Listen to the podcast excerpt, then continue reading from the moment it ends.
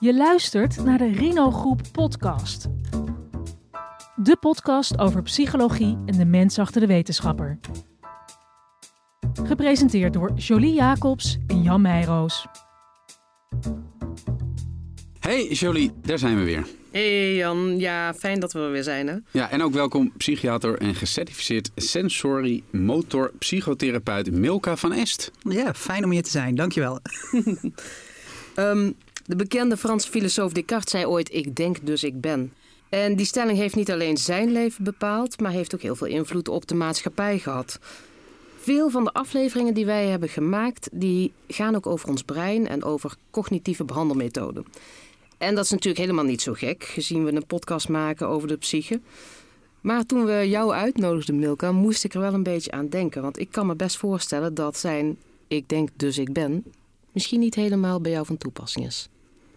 We zijn er allemaal door beïnvloed, want het is onze cultuur, culturele achtergrond. Maar ik denk dat het in onze uh, maatschappij heel erg is verweven geraakt dat we zeggen dat we een lichaam hebben. En ik denk dat we een lichaam zijn. En dat vanuit een lichamelijke zijn we vervolgens gaan denken. Leg eens uit, wat is het verschil? Um, als je kijkt naar je lichaam als iets wat je hebt, dan is dat een gebruiksvoorwerp. Dan is dat iets wat niet echt jouw wezenlijke eigenheid is. Maar zonder lichaam zijn we niemand. Um, we hebben het lichaam nodig om te kunnen denken. Alleen al het idee dat zonder een lichaam, wat ook ons brein is, er geen denken bestaat. En ook geen emotie en ook geen gevoel. -hmm. nou, uit die filosofie van Descartes en uit de verlichting komt ook een beetje het lichaam als een machine voort, zeg maar, hè, die, die zo wordt gezien. Dus als het stuk is, moeten we hem fixen. Is dat dan nog steeds een, een wijdverbreide opvatting? Ik denk het wel, maar ik denk niet dat die helemaal klopt. Um, als je een lichaam hebt, net zoals dat je een auto hebt, dan kun je hem naar de garage brengen. En dan moet hij inderdaad gefixt worden. Dan kun je er een onderdeel uithalen. En dat kunnen we ook tegenwoordig. We kunnen transplantaties doen, we kunnen van alles repareren. En toch blijft er heel veel een raadsel. En dat is, denk ik, omdat het niet zo simpel is dat een lichaam iets mechanisch is wat je kunt fixen. Het wordt bezield. We leven erin. We zijn een bezield, een embodied lichaam. Is het ook niet zo dat, eh, dat Descartes uh, de, de mens wilde onderscheiden van, van de diersoorten? Door te zeggen, wij, wij mensen denken over van alles na, daarom zijn wij mensen en daarom zijn wij. Ja, het, het, maar het was tweeledig. Descartes uh, maakte een onderscheid tussen mens en dier. Mens als het hogere wezen. Maar zette zich daarmee eigenlijk zette zich ook een beetje af tegen um, de dogma's van de kerk. De dogma's van de religie. En in de religie was heel duidelijk, zus en zo is het. Dat heeft God bepaald en daar moeten we naar leven. Um, Descartes heeft eigenlijk ingeluid, niet als enige, maar heeft ingeluid, dat we veel meer naar de ratio zijn gegaan. Dat we het belang mhm. van nadenken over alles uh, gesteld hebben boven, nou zo is het nou eenmaal. En op zich is dat natuurlijk fantastisch. Maar doordat steeds eigenlijk door te voeren en te vergroten, zijn we ook in een tweedeling terechtgekomen, waarbij psyche en geest, psychische aandoeningen en lichamelijke aandoeningen, compleet gescheiden werelden zijn. En ik weet niet hoe het bij jullie is, maar als ik naar mezelf kijk, dan ben ik toch maar één. Ja, ja, ja. Nee, nee, nee zeker. Dus het, het idee van het lichaam in dienst van het brein, dat klopt ook niet wat jij op betreft. Mm, nee, ze kunnen echt niet zonder elkaar. Een brein zonder lichaam functioneert niet goed. En een lichaam zonder brein doet het al helemaal niet. Weet je, ik, ik zit dan zo te denken. Ik, ik vind het wel prettig als mijn lichaam doet, het, het naar behoren doet, zeg maar. Hè? En als het dat niet doet, bij mij is dat een hele poos zo geweest, um, dan merk ik ook dat dat mijn psyche aantast. Zeker. Maar als je al zegt, ik wil dat mijn lichaam het doet, nou, in elk van naar behoren. In elk naar geval behoren dat, dat functioneert, zeg maar. Dat is wel fijn. Dan is het dus wel een beetje ondergeschikt. Is dat zo? Ik wil dat mijn lichaam het doet. Ik wil ook dat mijn geest het doet. Ik wil dat wij het samen goed mhm. hebben. Ik wil dat we in een interactie met elkaar leven. Want het lichaam, wat het lichaam doet, is ons ontzettend veel informatie geven over hoe het nou eigenlijk met ons is. En hoe ja, alle dingen die we tegenkomen in het leven, ehm, of we dat nou eigenlijk wel aankunnen of dat het een beetje te veel is. Of we op de rem moeten stappen, of eigenlijk moeten slapen, of eigenlijk moeten eten. Of dat we moeten zorgen dat we weg zijn en zo snel mogelijk de deur uit moeten. En dan niet omdat de klok het zegt, maar omdat het hier niet veilig is. Mhm. Hm. Als je kijkt naar, naar behandelmethoden bij mensen die uh, psychisch lijden, dan zie je toch dat heel vaak die nadruk op de cognitie ligt. Maar is dat dan onterecht, vraag ik me dan meteen af. Het is misschien niet onterecht, maar als het daarbij blijft, dan komen de klachten terug. Dat is wat ik heel veel zie in de praktijk. Mensen hebben al verschillende trajecten gehad en komen eigenlijk met dezelfde klachten weer terug. Kun je een voorbeeld geven? Um, de derde burn-out. Um, dus ondanks het hebben geleerd dat het belangrijk is om te kijken naar inspanning en ontspanning, toch de signalen niet oppikken dat het lichaam moe is, dat jij moe bent en dat je daar iets mee moet doen. Ja, wat ik heb begrepen is dat jij je bent gaan verdiepen in de polyvagaal-theorie. Kun je uitleggen wat dat inhoudt? Ja, de polyvagaaltheorie is um, ontwikkeld door Stephen Porteous. Uh, heeft daar in 95, 1995 over gepubliceerd. Mm -hmm. um, en die gaat over het autonome zenuwstelsel. En het autonome zenuwstelsel is dat deel van ons zenuwstelsel waar we geen sturing op kunnen uitoefenen in de zin van ik wil dit wel of ik wil dit niet. Dat gaat automatisch. En het autonome zenuwstelsel heeft als belangrijkste doel om ons in veiligheid te houden, om te zorgen dat we overleven. Als individu en als soort. En de polyvagaaltheorie beschrijft eigenlijk drie elementen. Uh, de hiërarchie van dat autonome zenuwstelsel, mm -hmm. uh, neuroceptie en co-regulatie. Um, en als ik ze even alle drie wat toelicht. Uh, de hiërarchie van het autonome zenuwstelsel is dat als wij ons veilig voelen, dan zijn we ook vrolijk, dan voelen we ons lekker, dan kunnen we spelen, dan zijn we in contact met mensen. Als er een beetje dreiging is, dan voelen we dat. We voelen dat in ons lijf. We voelen dat we wat gespannen raken, dat de adem wat hoger komt, dat de hartslag wat sneller gaat. En dat we misschien willen vechten of willen vluchten. Nou, zijn we op onze hoede. Dan zijn we op onze hoede en dan willen we zorgen dat het beter wordt. En dat doen we door actiever te worden. En als dat niet meer kan, dus in de hiërarchie de laatste, laatste mogelijkheid die we nog hebben, is ja, dan geef ik me maar over. Dan stop ik, dan stop ik met denken, dan stop ik met bewegen en dan ga je eigenlijk helemaal down. Dus in de bevriesfase, zeg maar, zit je dan? Ja, in een bevriesfase in de zuivere vorm, zonder dat er spanning is. Maar dat kan, is dat dan ook zo bijvoorbeeld als je te hard van een berg afskiet en dat je denkt, oh jee, ik heb het niet meer onder controle, oh ja, ik laat me maar vallen? Dat is nog een bewuste keus, want dan heb je een risicoanalyse gemaakt. Als het nou, ik, ik even aan mijn eigen ervaring. Dat is niet echt een risicoanalyse. Het is gewoon onhandigheid. In combinatie met hoogtevrees. En de vraag, wat doe ik hier in godsnaam? Een hele goede vraag. Waarom breng je jezelf in gevaar op een piste? Maar goed, dat staat buiten de... Ja. Dat, dat doen we voor een deel ook omdat het leuk is om een beetje spanning te ervaren. Hè? Ja, dus je zoekt het op, ja. ja. Maar, maar wat is dan wel het, het voorbeeld waarvan je zegt... maar dan, dan bevries je, maar je bevriest in ontspanning? Niet in ontspanning. Ontspanning heeft een klank dat het ook fijn is. Okay. Ontspannen zijn is eigenlijk vaak geen, spanning in, geen spierspanning in je lijf hebben en het aangenaam hebben. Is eigenlijk een combinatie van dat oudste systeem, dat dorsale systeem en het ventrale, het sociale systeem. Ja. Um, maar het puur dorsale is bijvoorbeeld um, het is je gaat die piste af, Jan. Het is ontzettend eng. En zonder dat jij daar sturing op hebt, ga je oud. Jouw lichaam wordt slap en je valt. Maar dat is misschien is dan het beter het voorbeeld van mensen die niet tegen prikken kunnen. Van, uh, Bijvoorbeeld, dan naald, ga je ook bij een oud. naald. Oh, ja. Plop.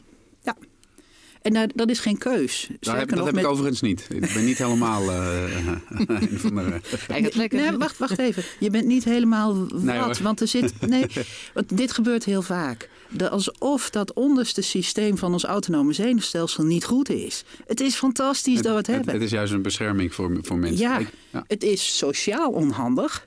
Maar dat is wat anders. Ja. Ja. En dat we dan met z'n allen daarnaar kijken en denken, "Wel, wat een watje. Dat zijn onze oordelen, dat Ja, zijn onze stigma's. gedachten. Ja. Ja. En we hebben het nu over de hiërarchie. Het tweede element is de neuroceptie. Neuroceptie is het onbewust in de wereld op zoek zijn naar signalen van veiligheid en onveiligheid. Mhm. En dat gaat in een split second. We lopen een ruimte binnen en we voelen het of het oké is of niet oké is. Dat is neuroceptie.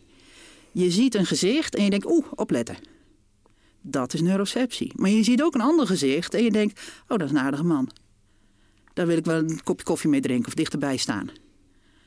Dus die signalen, alsmaar zoeken, niet bewust, maar onbewust van veiligheid en onveiligheid, heet neuroceptie. Dat is het tweede element van de polyfagaaltheorie. En het derde element is co-regulatie. Co-regulatie betekent dat wij, mensen, wij zijn zoogdieren en we zijn groepsdieren. En we voelen ons het best in de nabijheid van anderen. Mhm. En dan bij voorkeur diegenen die goed gereguleerd zijn. Want zoals je als rustige moeder je baby kunt geruststellen, maakt die baby die heel hard huilt jou ook een beetje ongerust. En daar raak je een beetje gespannen van. En als je jezelf zelf kunt reguleren, kun je je baby reguleren. Ja. Als je jezelf niet gereguleerd krijgt, blijf je baby onrustig. En wat triggerde jou nou om je hierin eh, verder te verdiepen? Ja, voor mij, voor mij heeft het nooit geklopt. Ik, ik heb medicijnen gestudeerd. Dat was zes jaar lang eh, over dat lijf. Ehm, eh, hoe het in elkaar zit, hoe het werkt. dat je erin kunt prikken en kunt snijden. En wat je er allemaal aan kunt veranderen. Pillen erin stoppen. Maar voor mij voelde het van ja, maar het is meer dan dat. Ik, ik ben psychiatrie gaan doen. En dan in ene zit je in een andere wereld. En dan gaat het niet meer over dat lijf. Toen ging het alleen nog maar over cognitie dus. Toen ging het over psyche, over emotie, over cognitie. Ja?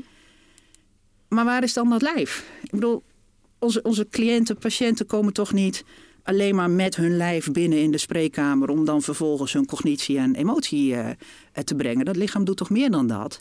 Je kunt toch zien aan mensen dat ze zich niet goed voelen. Dat doet het lijf. Dat zijn signalen van het lijf die de cliënt uitzendt en die ik opvang. Dus voor mij klopte het niet. En dat maakt dat, dat ik op zoek ben gegaan van ja, wat, hoe- zit die interactie dan in elkaar en wat kan ik daarmee en hoe kan dat lichaam meer in de spreekkamer komen? En dan kun je wat voorbeelden geven van die wisselwerking tussen lichaam en geest. Je hebt natuurlijk net al wat dingetjes gezegd, maar Ja, er zijn er ontzettend veel. Als je iemand die depressief is of gewoon je zit een dag niet lekker in je vel, dat is te zien aan het gezicht, dat is te zien aan de houding, dat is te zien aan de energiekheid van het bewegen. En als dat heel lang bestaat, dan wordt alles zwaar. En zoals je het leven zwaar ervaart, zo lijkt het ook wel als je dan naar iemand kijkt alsof ja, het zwaartepunt heel laag ligt en het lijf bijna niet te dragen is. Die kun je ook omkeren. Als je je op zich lekker voelt en je gaat heel zwaar zitten en je laat je schouders helemaal zakken en je hoofd zakken, dan ga je je vanzelf ook wel vervelender, nader voelen. Wat ik me dan afvraag is op het moment dat, dat er iemand bij jou de behandelkamer in komt. En je hebt het over zien. Zien staat dat gelijk aan weten? Nee, en ergens vind ik het wel mooi dat je me hierop corrigeert. Want het is niet alleen ogen. Het is waarnemen met eigenlijk de hele persoon die je bent. En alles wat je tot je beschikking hebt. Mhm. Dus eh, je ziet dingen aan mensen, je hoort dingen. En of dat nou is hoe de stem is en hoe de intonatie van de stem is, Mhm. of dat het is hoe ze lopen. Zelfs als ze achter je lopen, kun je dingen horen. Ehm, maar je voelt ook dingen. Je voelt de energie van de ander. Je voelt hoe onrustig iemand is van, van de ander. Mits je jezelf beschikbaar stelt daarvoor. Ja. Dus je moet je wel willen laten beïnvloeden. Is daar eigenlijk onderzoek naar gedaan? Naar die wisselwerking tussen, tussen lichaam en geest? Ja, en als je me nou precies vraagt welk onderzoek of noem er eens één, dan, dan is dat wel lastig. Mhm. Ehm, want hoe meet je de wisselwerking? Dus heel veel onderzoek is eigenlijk gaat over ehm, hoe liggen dingen bij elkaar. Hoe komen lichamelijke ziektes en psychische ziektes samen voor? Hoe vaak gebeurt dat? En daar is wel degelijk onderzoek naar gedaan. Um, een van de uh, hele grote studies daarna uh, is de ACE-studies. Ja. ACE staat voor uh, Adverse Childhood Experiences. Um, dat is onderzoek van Felletti en, en Andel. En die hebben geregistreerd hoeveel ervaringen in de jeugd mensen hebben gehad van verwaarlozing, van geweld, van welke manier dan ook, mm -hmm. fysiek, verbaal, emotioneel, seksueel en het bestaan van allerlei lichamelijke aandoeningen. En het bestaan van allerlei ja. psychische aandoeningen. Dus dat is een enorme database aan wat komt nou samen voor. En dan komen daar wel schrikbarende uh, getallen uit. Nog eens iets? Nou ja, alleen al het feit dat 20% van de mensen fysieke mishandeling in de historie heeft. 30% emotioneel misbruik. 10% seksueel misbruik emotionele verwaarlozing 20% en fysieke verwaarlozing 20%. Mijn hemel. Wat een enorme stress op mensen hun leven. En wat doet dat dan vervolgens? In diezelfde studie wordt ook aangetoond dat hoe meer van dit soort negatieve ervaringen je hebt, hoe groter de kans is op depressie, op PTSS, Mm-hmm. Op het hebben van een borderline persoonlijkheidsstoornis of middelafhankelijkheid. Dat zit in het psychische vlak. Maar evenzeer op het hebben van overgewicht, suikerziekte, darmontstekingen, zoals Crohn of colitis ja. ulcerosa. Ja. Laag geboorte bij de zwangerschap, dus een laag geboortegewicht, is enorm. De correlatie tussen stress in je vroege leven, in je überhaupt in je leven. Uh, zowel psychische als lichamelijke aandoeningen. De correlatie is enorm. Ja. Hoe het dan veroorzaakt wordt, daar is dan eigenlijk nog geen verklaring voor. Maar zet dat zich allemaal vast in het lichaam? Het heeft invloed op het lichaam. Oké. En voor mij is de polyvagaaltheorie daar een verbinding in, of een, een verklaringsmodel. Ik weet niet of het het verklaringsmodel is, maar voor mij nu wel het beste. Want dat autonome zenuwstelsel heeft verbinding met al onze interne organen. Heeft een impact op ons immuunsysteem, heeft een impact op ons hormonale systeem. Uh, maar, sorry, even terug. Hoe werkt dat dan? De polyvagaaltheorie in de term zit vage, vagaal, van de nervus vagus. Ja. De nervus vagus is de grootste hersenzenuw die we in ons lijf hebben. is de tiende hersenzenuw. En die uh, heeft enorm veel vertakkingen. Um, alle buikorganen worden door een tak van de nervus vagus geïnnerveerd. Al onze gezichtspieren en onze stem en onze keelspieren worden geïnnerveerd door een andere tak van de nervus vagus. Ons hart, onze longen, alles wordt in dat autonome zenuwstelsel aangestuurd. Dus als je nou de mens zou willen uitkleden, zo van wanneer houden we nou nog het meest over, dan is dat eigenlijk een verbindende factor. Waar zit hij ergens? Ja, hij ontspringt. Heb je niet uh, opgelet tijdens biologie? Nou, nee, maar weet je wat ik me nou. weet je wat ik me nou gewoon afvraag?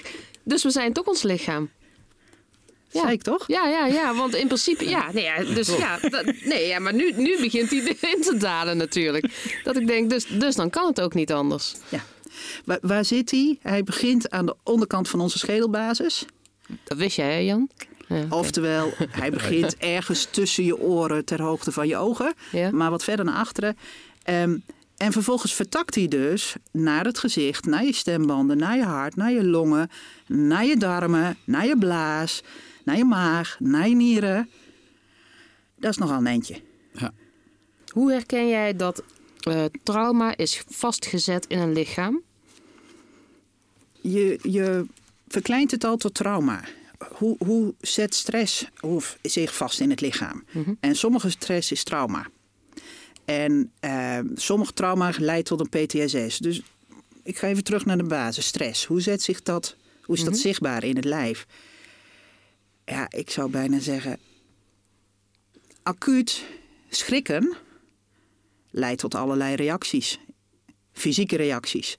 Wat je er van de buitenkant van kunt zien, is dat iemands ogen open gaan, een beetje wijder worden. Uh, dat er de kleur uit het gezicht verdwijnt. je kunt soms de hartslag wat eh, zien, eh, zien kloppen in de hals. Wat iemand zelf voelt, is dat die hartslag versnelt. Mhm. Dat die ademhaling versnelt.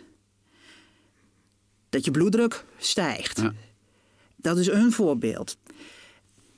Maar je ziet heel vaak mensen die heel strak in hun lijf zitten. Die eigenlijk continu gespannen zijn. En bij het minste of geringste schrikken. Ik, ik zeg wel eens, die, die hebben de oren gewoon op de gang liggen. Want ze horen alles. En ze hebben de ogen ook buiten de kamer liggen, want ze zien ook alles. En dat is overlevingsstrategie. Als je maar alles in de gaten houdt, kun je vroegtijdig reageren. Jij zei net, ehm, want daar begonnen we mee, hè? Ehm, dat jij het ziet op het moment dat iemand bij jou de behandelkamer binnenkomt. Of niet alleen zien dus, maar waar... Waarneemt. Ja, Ja. precies. Kun je een voorbeeld geven? Nou, als ik het meest zuiver is, denk ik, ehm, ik doe als psychiater screeningen bij de intake. Dus nieuwe aanmeldingen. Ehm, die zijn gezien door een eh, eh, basispsycholoog veelal en die heeft een verslag geschreven. En ik lees dat verslag, dan lees ik daar dat er iets aan de hand is. En dan verwacht ik iemand. Ik verwacht. Ik heb een beeld gevormd in mijn hoofd van wat ik daar lees. En soms loop ik naar de wachtkamer en dan noem ik de naam van degene die ik moet gaan zien. Mhm. Maar ik kijk die wachtkamer in en ik denk eigenlijk, die is er niet. En dan staat er toch iemand op. Dus dan is beeld wat ik heb gekregen op basis van wat ik heb gelezen op papier, nou ja, op het computerscherm. En het beeld wat ik krijg als ik naar de mensen kijk die daar zitten, die komt niet overeen. Dat zegt iets. Dat zegt of dat ik heel slecht heb gelezen en een hele slechte beeldvorming heb. Of er is een misma- mismatch. Iemand laat dus iets anders zien dan wat er aan verhalen op papier geze- gezet wordt. Of degene voor jou heeft het gemisinterpreteerd. Zeker, is ook een variant. Maar dat het niet klopt, wordt dan voor mij wel het allerbelangrijkste van die screening. Mhm. Eh, Ik lees dit, klopt het dat dit en dit verteld is, maar ik zie het niet. Ehm, maar als voorbeeld, ik lees soms allerlei klachten die passen binnen eh, de klassificatie van een depressie. En dan wordt er een depressie geclassificeerd en de verwachting hè, of het idee, dan moeten we dus een depressiebehandeling gaan doen. Maar als ik dan iemand binnen zie komen die eigenlijk helemaal niet zo laag in zijn energie zit, die eigenlijk best wel energie heeft of waar de spanning hoog is, dan is bijvoorbeeld een vraag die bij mij speelt: ben je nou primair depressief of trek je je ontzettend terug en probeer je grip te houden op de situatie omdat je eigenlijk ontzettend bang bent? En dan is bang zijn, een angstprobleem, eigenlijk het primaire probleem. Als je dan behandelt, verdwijnt de depressie. Of de depressieve kenmerken. Nou ja, we hebben het nu natuurlijk over het, het verlenen zeg maar, van lichaamstherapie. Maar is dat wel voor iedereen weggelegd? Of is dat een vaardigheid die jij al intrinsiek als mens moet hebben? Ik denk dat de basisvaardigheid hebben we als mensen. Want we zijn lichamen. We zijn complete mensen. De vraag is, eh, hoe wil je als therapeut je werk verrichten? En je kunt, is mijn mening, alleen maar een goed lichaamsgericht therapeut zijn... als je bereid bent om ook je eigen lichaam te leren kennen en in te zetten. Want je laten beïnvloeden door een ander... betekent dat je jezelf moet waarnemen. En dat je moet waarnemen wat de impact is van die ander op jou. Dus nee, niet iedereen is bereid om zich op dat niveau te laten beïnvloeden op zijn werk. Sommige mensen zijn heel comfortabel bij het houden bij gedachten. Ja. En voor sommige therapeuten is het heel eng om te voelen en niet alleen te vragen naar het gevoel van de cliënt, maar ook daadwerkelijk in hun eigen lijf te voelen wat dat dan doet. Want dan ga je ook voelen dat sommige dingen echt niet leuk zijn. En dat je soms aan het eind van de dag hartstikke moe bent. En dat je dan dus iets voor jezelf moet gaan doen. Jij doet veel op basis van waarneming. En je had het net ook al van, erover van, nou, er loopt iemand achter mij en, en dan hoor je ook al het een en ander. Betekent dus wel dat je altijd aanstaat. Als ik werk, sta ik aan. Maar dan staat alles in je lichaam aan. Ja, en ik, eigenlijk vind ik ook dat mijn cliënten dat daar recht op hebben. Het dat lijkt, ik me, er ook- ten lijkt, wel, lijkt me best wel intens. ook. Nou, tamelijk. Ja, ehm, Je hebt nooit de behoefte om eh, zelf ook even je lichaam uit te zetten. ik vind dat het, dat het erbij hoort dat je je wilt laten beïnvloeden. En dat je ook die informatiestroom meeneemt. Niet alleen wat gezegd wordt, maar ook wat non-verbaal gecommuniceerd Maar wordt. jij zegt wel wilt laten beïnvloeden. En dan denk ik, oké, maar hoe hou jij dan je, je distantie, professionele distantie tot iemand? Het is altijd de vraag in wat ik ervaar aan iemand, En wat, wat, ik, daar- mee wat ik daarmee doe. Ja. Ja, ja, ja. Je komt, Ik- ik kan me ook voorstellen dat je dan wel eens helemaal afgepeigerd thuis komt. Ja, absoluut. En dan heb ik mijn rust nodig. Ja. En dan heb ik het nodig om met mijn hond te gaan spelen en om buiten te gaan lopen. En eh, in die zin even niet zo geprikkeld te worden door allerlei menselijke contacten. Ja. Hoe vaak zie jij iemand met ehm, comorbiditeit bij jou binnenkomen? Altijd. Ehm, eh, maar hoe, even, hoe kijk jij dan tegen comorbiditeit aan in het licht van die polyvagaaltheorie? Ja, ik denk dat het. Als je zegt comorbiditeit, dan zeg je er zijn twee verschillende aandoeningen die toevalligerwijs samen voorkomen. En ik geloof niet in dat toevalligerwijs. Het zijn twee uitingsvormen van een probleem in het autonome zenuwstelsel. In te aanstaan of juist helemaal uitstaan. Mhm. Te gespannen zijn of de spanning niet meer kunnen dragen en oud gaan. Ja. Is, er, is er ook data die dat aantoont, die, dat die linker is? Ehm, Het is ook wel, het is ook, het, je voelt wel ergens van dat het logisch is. Je voelt dat het logisch is, Maar maar, goed, in de wetenschap altijd- ja. onderzoek is eigenlijk nog niet zo heel veel in de klinische praktijk toegepast. Oké. Omdat de polyvagaaltheorie beperkt is aangenomen in het klinische veld. Ehm, dat de dingen samen voorkomen, ja, die E-studie, maar ook daarna 101 studies die dat hebben aangetoond. Jij, jij zegt wel altijd. Dus eh, dan denk ik, maar altijd, altijd? Of eh, weet je, want hoe maak jij dan nog het onderscheid tussen, oh, het is toeval, die twee verschillende aandoeningen, en dus er zijn twee verschillende issues waar iemand last van heeft, of nee, die dingen zijn eigenlijk aan elkaar verbonden. Ik ga er primair van uit dat ze met elkaar verbonden zijn als iemand van twee dingen last heeft. Binnen de GGZ komen mensen eigenlijk altijd binnen met een psychisch probleem. Mhm. Maar als je gaat vragen naar lichamelijke klachten, dan zijn ze, zijn ze er heel vaak. Ja. Als je er niet naar vraagt, dan zijn ze er niet. Oogschijnlijk. Mhm.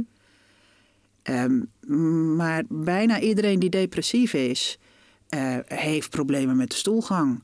Heeft verminderde beleving in, in de seks. Is dat psychisch of is dat lichamelijk?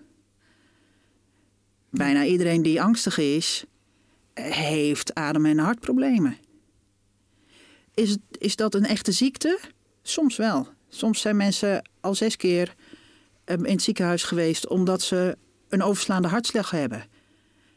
Maar het probleem hangt samen met de angst. En niet omdat ze alleen maar paniek hebben, maar omdat er een aangejaagd systeem is. waarin soms de hartslag overslaat of versnelt. Ja, dus het een beïnvloedt het ander. Het is een, een beetje een kip-ei verhaal eigenlijk. Ehm, als je het als twee aparte entiteiten ziet, is het een kip-ei-verhaal. Als je denkt dat er iets anders achter ligt, Mhm. namelijk zo'n ontregeld autonoom zenuwstelsel, is er één probleem met meerdere uitingsvormen. Ja, maar waar begin je dan, snap je? Of, of, zou- of doe je, als je inderdaad een behandeling begint, eh, luister je dan, of, of stuur je dan eerst op die lichamelijke klachten of toch die cognitie? Of pak je dat gewoon in één keer op?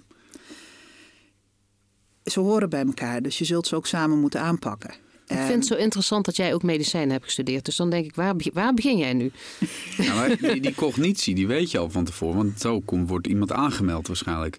Dus als iemand met een, met een bepaalde eh, psychische aandoening jouw eh, wachtkamer inloopt... of jouw behandelkamer inloopt, dan weet je dat al. Maar ik denk dat je pas gaandeweg over die lichamelijke klachten eh te, te sprake komt.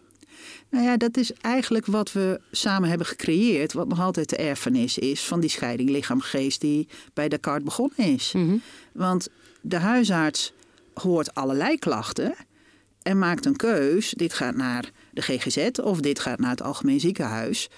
Ehm, en daarmee kom je vervolgens bij een professional die zich gespecialiseerd heeft op een van beide. Mhm. Ik zou een pleidooi willen houden dat beide takken van sport zich meer verdiepen in de andere tak van sport. En de, dat ook uitvragen. Dus zowel dat de internist de psychische klachten uitvraagt, als dat de psycholoog de lichamelijke klachten ook uitvraagt. En ze niet als een aparte entiteit uh, uh, behandelt. Hoe begin jij? Er komt iemand bij jou de behandelkamer in. Hoe begin jij? Met iemand welkom te heten. Uh, en, een, en, een goede sfeer te creëren. ja. Nou, en, en dan is het aansluiten bij waar voor iemand komt. Ik werk in de GGZ, dus mensen komen voor een psychische klachten. Dus daar begin ik. Maar ik vraag ook naar andere zaken. Gaandeweg het gesprek, maar wel het eerste gesprek. Ja. Jij bent veel bezig met lichaamsgericht werken. Ja. Welke vormen pas je toe? Nou ja, ik ben geschoold in de sensorimotor psychotherapie. Dat Mhm. is een uh, verbale, uh, lichaamsgerichte traumabehandeling. Dus dat is wat ik het beste toepas. Kun, kun je even uitleggen voor ons wat het precies inhoudt? Ja, de sensorimotor psychotherapie gaat uit dat wij eigenlijk elke ervaring die we opdoen in vijf bouwstenen ervaren. Um, de cognities, de emoties, zintuigelijke ervaringen, bewegingservaringen en sensorische uh, ervaringen. En cruciaal voor de sensorimotor psychotherapie is dat we onderaan beginnen. We beginnen met de sensorische informatie. En daar kijk je naar, daar probeer je mee te werken. Mm -hmm. Om de anderen eraan te koppelen. En dat is dus anders dan wat we gewend zijn in onze gesprekstherapie, waar we beginnen met de cognitie en emotie. En soms nog wel eens wat betrekken van wat hoor je en wat zie je. Dus hoe neem je met je zintuigen waar. Maar die beweging en die lichamelijke sensaties nemen we bijna nooit mee. Terwijl daar een enorme bron van informatie ligt. En als iemand die een trauma heeft, in zijn emotie en zijn cognitie behandeld is, maar nog steeds alert blijft, gaat de spanning weer oplopen. En als nog steeds het lijf gespannen is, spierspanning als horend bij het bewegingsapparaat, um, dan is het dus nog steeds het signaal bij die persoon: de wereld is onveilig. Het is niet oké. Okay. Dat bij, wordt van binnenuit gevoed. Bij, bij wie werkt het goed? In de basis werkt het bij iedereen goed. Mm. Nou, bij, bij, bij welke klachten werkt het goed wat jou betreft het best? Bij angst, bij stemming, bij persoonlijkheid, mm -hmm. bij trauma. Dus het, er is eigenlijk geen best. Okay. Het is ontwikkeld vanuit trauma en persoonlijkheidsproblematiek. Ja. Uh, maar dat wil niet zeggen dat het niet inzetbaar is voor andere problematiek. Maar, maar als we beginnen bij trauma, waarom werkt het daar zo goed bij? Omdat je de uh, trauma is iets psychisch, maar is ook iets lichamelijks. Je, je bent geschrokken, je lijf heeft zich vastgezet, je hebt spierspanning, uh, je hebt een versnelde hartslag. Als je die elementen kunt veranderen, dan ben je bij de, bij de wortel bezig. Ja. En natuurlijk moet je emotie betrekken. Um, maar door in het lijf te beginnen, hoef je vaak niet eens naar het allerergste moment. Um, dat vond ik heel opvallend in de, in de opleiding. Dat um, als wij moesten oefenen, en we moesten met elkaar ook oefenen. Dan dacht je, oh nou, dan ga ik dit inbrengen. En dan zullen we het wel daarover gaan hebben. Over dat beeld wat ik in mijn hoofd heb. Want dat was zo naar. Maar eigenlijk zijn er al heel veel signalen eerder geweest. Dus op het moment dat je met een goede sensorimotortherapeut zit. Die heeft al eerder dingen gezien die veranderen. Waarin zichtbaar is dat je spanning hebt. Oké, okay, een voorbeeld alsjeblieft. Nou, een, een, voorbeeld wat ik uit eigen ervaring. Um, uh, ik had dienst en ik werd gebeld dat er uh, iemand zelfmoord had gepleegd op de afdeling. Daar moest ik naartoe. En dat is niet leuk. Uh, dus ik was wat gespannen.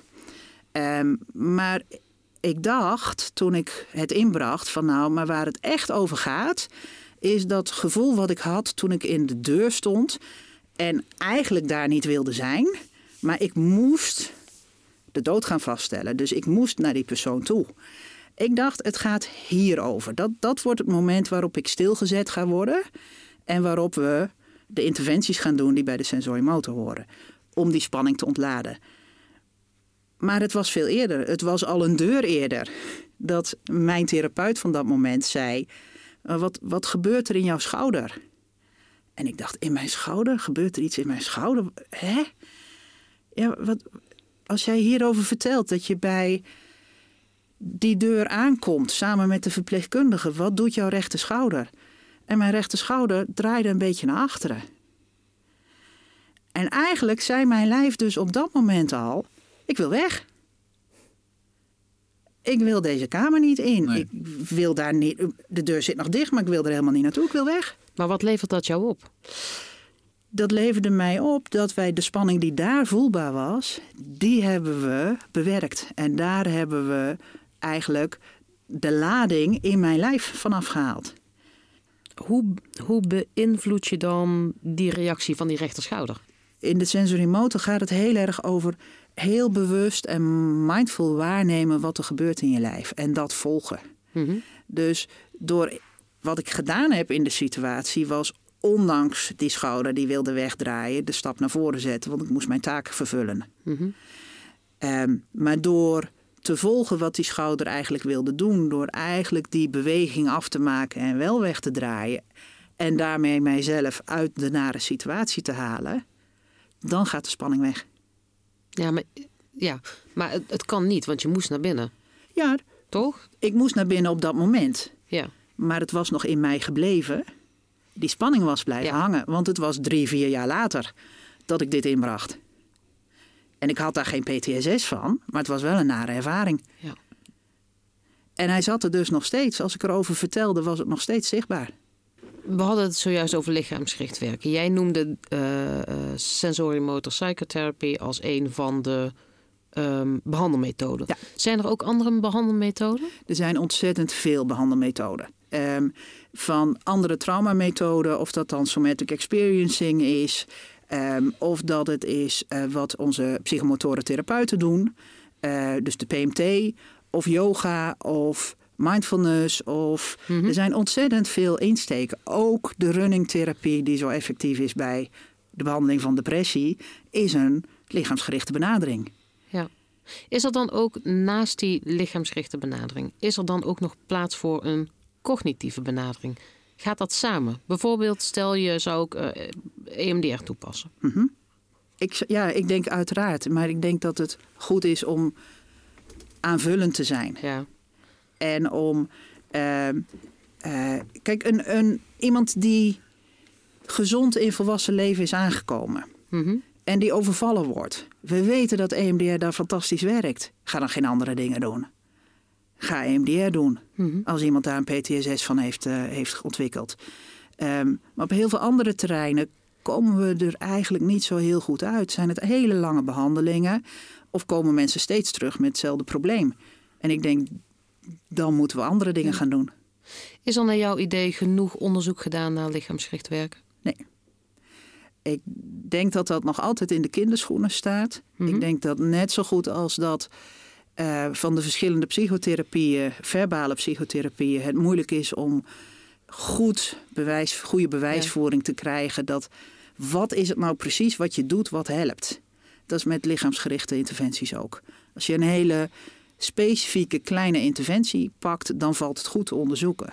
Maar de methodieken van lichaamsgericht werken hebben verschillende interventies. Terwijl, terwijl je de, de, de zenuw, eh, het zenuwstelsel, die, die, die, die, die pulsjes, die, daar, die kun je wel goed meten volgens mij, toch? Tegenwoordig. Ja, maar dan heb je vaak wel de motorische zenuwen die je meet. Maar je kunt bijvoorbeeld een afgeleide van het functioneren van het autonome zenuwstelsel is de eh, hartritmevariabiliteit. Die kun je goed meten. Dus het verschil tussen de hartslag tijdens inademing en de hartslag tijdens uitademing. Hoe groter dat verschil, hoe gereguleerder je bent. Dat is goed meetbaar. Daarmee kun je dus, is het een vorm om te meten hoe gestrest iemand is. En natuurlijk kun je dan gaan meten, als ik een bepaalde interventie doe, hoeveel effect heeft dat? Maar dat is wel een heel verenging van wat er in de spreekkamer gebeurt. Ja. Dat is dan in een onderzoekssetting Ja, ja. dingen gaan meten. tuurlijk. Ja. Nee, Jij bent nou ja, veel bezig met lichaamsgericht werk, hè? dus niet evidence-based. Zou je dan kunnen zeggen dat evidence-based eigenlijk practice-based is? Dat lichaamsgerichte therapieën Mhm. nog niet evidence-based... Ja. Ja, maar wel praktisch. Ja, zeker. zeker. Er is heel veel praktisch bewijs voor de effectiviteit van lichaamsgerichte interventies. Maar het evidence-based niveau is nog niet bereikt. Ja. Hechten we misschien te veel belang dan aan evidence-based behandelmethoden? Evidence-based is de heilige graal, zeggen we altijd in het kader van onderzoek. Mhm. Maar er zijn heel veel mensen die met evidence-based behandelingen onvoldoende geholpen kunnen worden. Er zijn heel veel mensen die toenadering zoeken tot niet-evidence-based behandelmethodieken. Mhm. Dat is niet voor niks. Ehm, Alleen zijn die personen misschien niet allemaal opgeleid zoals jij. Nee, maar ik denk dat je ook nog beter opgeleid kunt zijn dan ik. Ik denk dat, er, dat het eigenlijk nog een terrein is waar zoveel te leren valt. Mhm. Ehm, maar dan moeten we nieuwsgierig zijn en dan moeten we dat ook willen onderzoeken. En we moeten het willen verkennen. En ja, dat, dat betekent toch ook een beetje ongemakkelijk zijn. Ik heb hier ook niet alle antwoorden, want een hoop dingen weten we nog niet goed. Terwijl als je, als je alleen maar voelt als mens, dan zeg je, maar het klopt niet dat ik alleen maar gedachte ben. Ik ben meer dan alleen dat. En het klopt ook niet dat, dat als mijn hart het niet goed doet, dat het alleen maar een hartprobleem is. Want ik voel me er hartstikke rot bij. Mooi. Dank. Ja, dankjewel Milka voor je komst. En, en jouw pleidooi natuurlijk voor het integreren van lichaam en geest in de behandelkamer. Graag gedaan. Dit was de Rino Groep podcast over de polyfagaaltheorie en lichaamsgericht werken. Te gast bij ons was psychiater Milka van Est. Al onze afleveringen zijn online te vinden. Wil je meer weten over onderwerpen die betrekking hebben op lichaamsgericht werken? Luister dan ook eens naar de aflevering met Karin Karsten over de behandelmethode bij burn-out. Wil je alle afleveringen beluisteren? Ga dan naar onze website rinogroep.nl/slash podcast. Of abonneer je op de Rino Groep podcast via jouw favoriete streamingsdienst. Voor nu, bedankt voor het luisteren en tot de volgende aflevering. Leuk dat je luisterde naar de Rino Groep podcast. Wil je meer informatie over de Rino Groep? Bekijk onze website rinogroep.nl.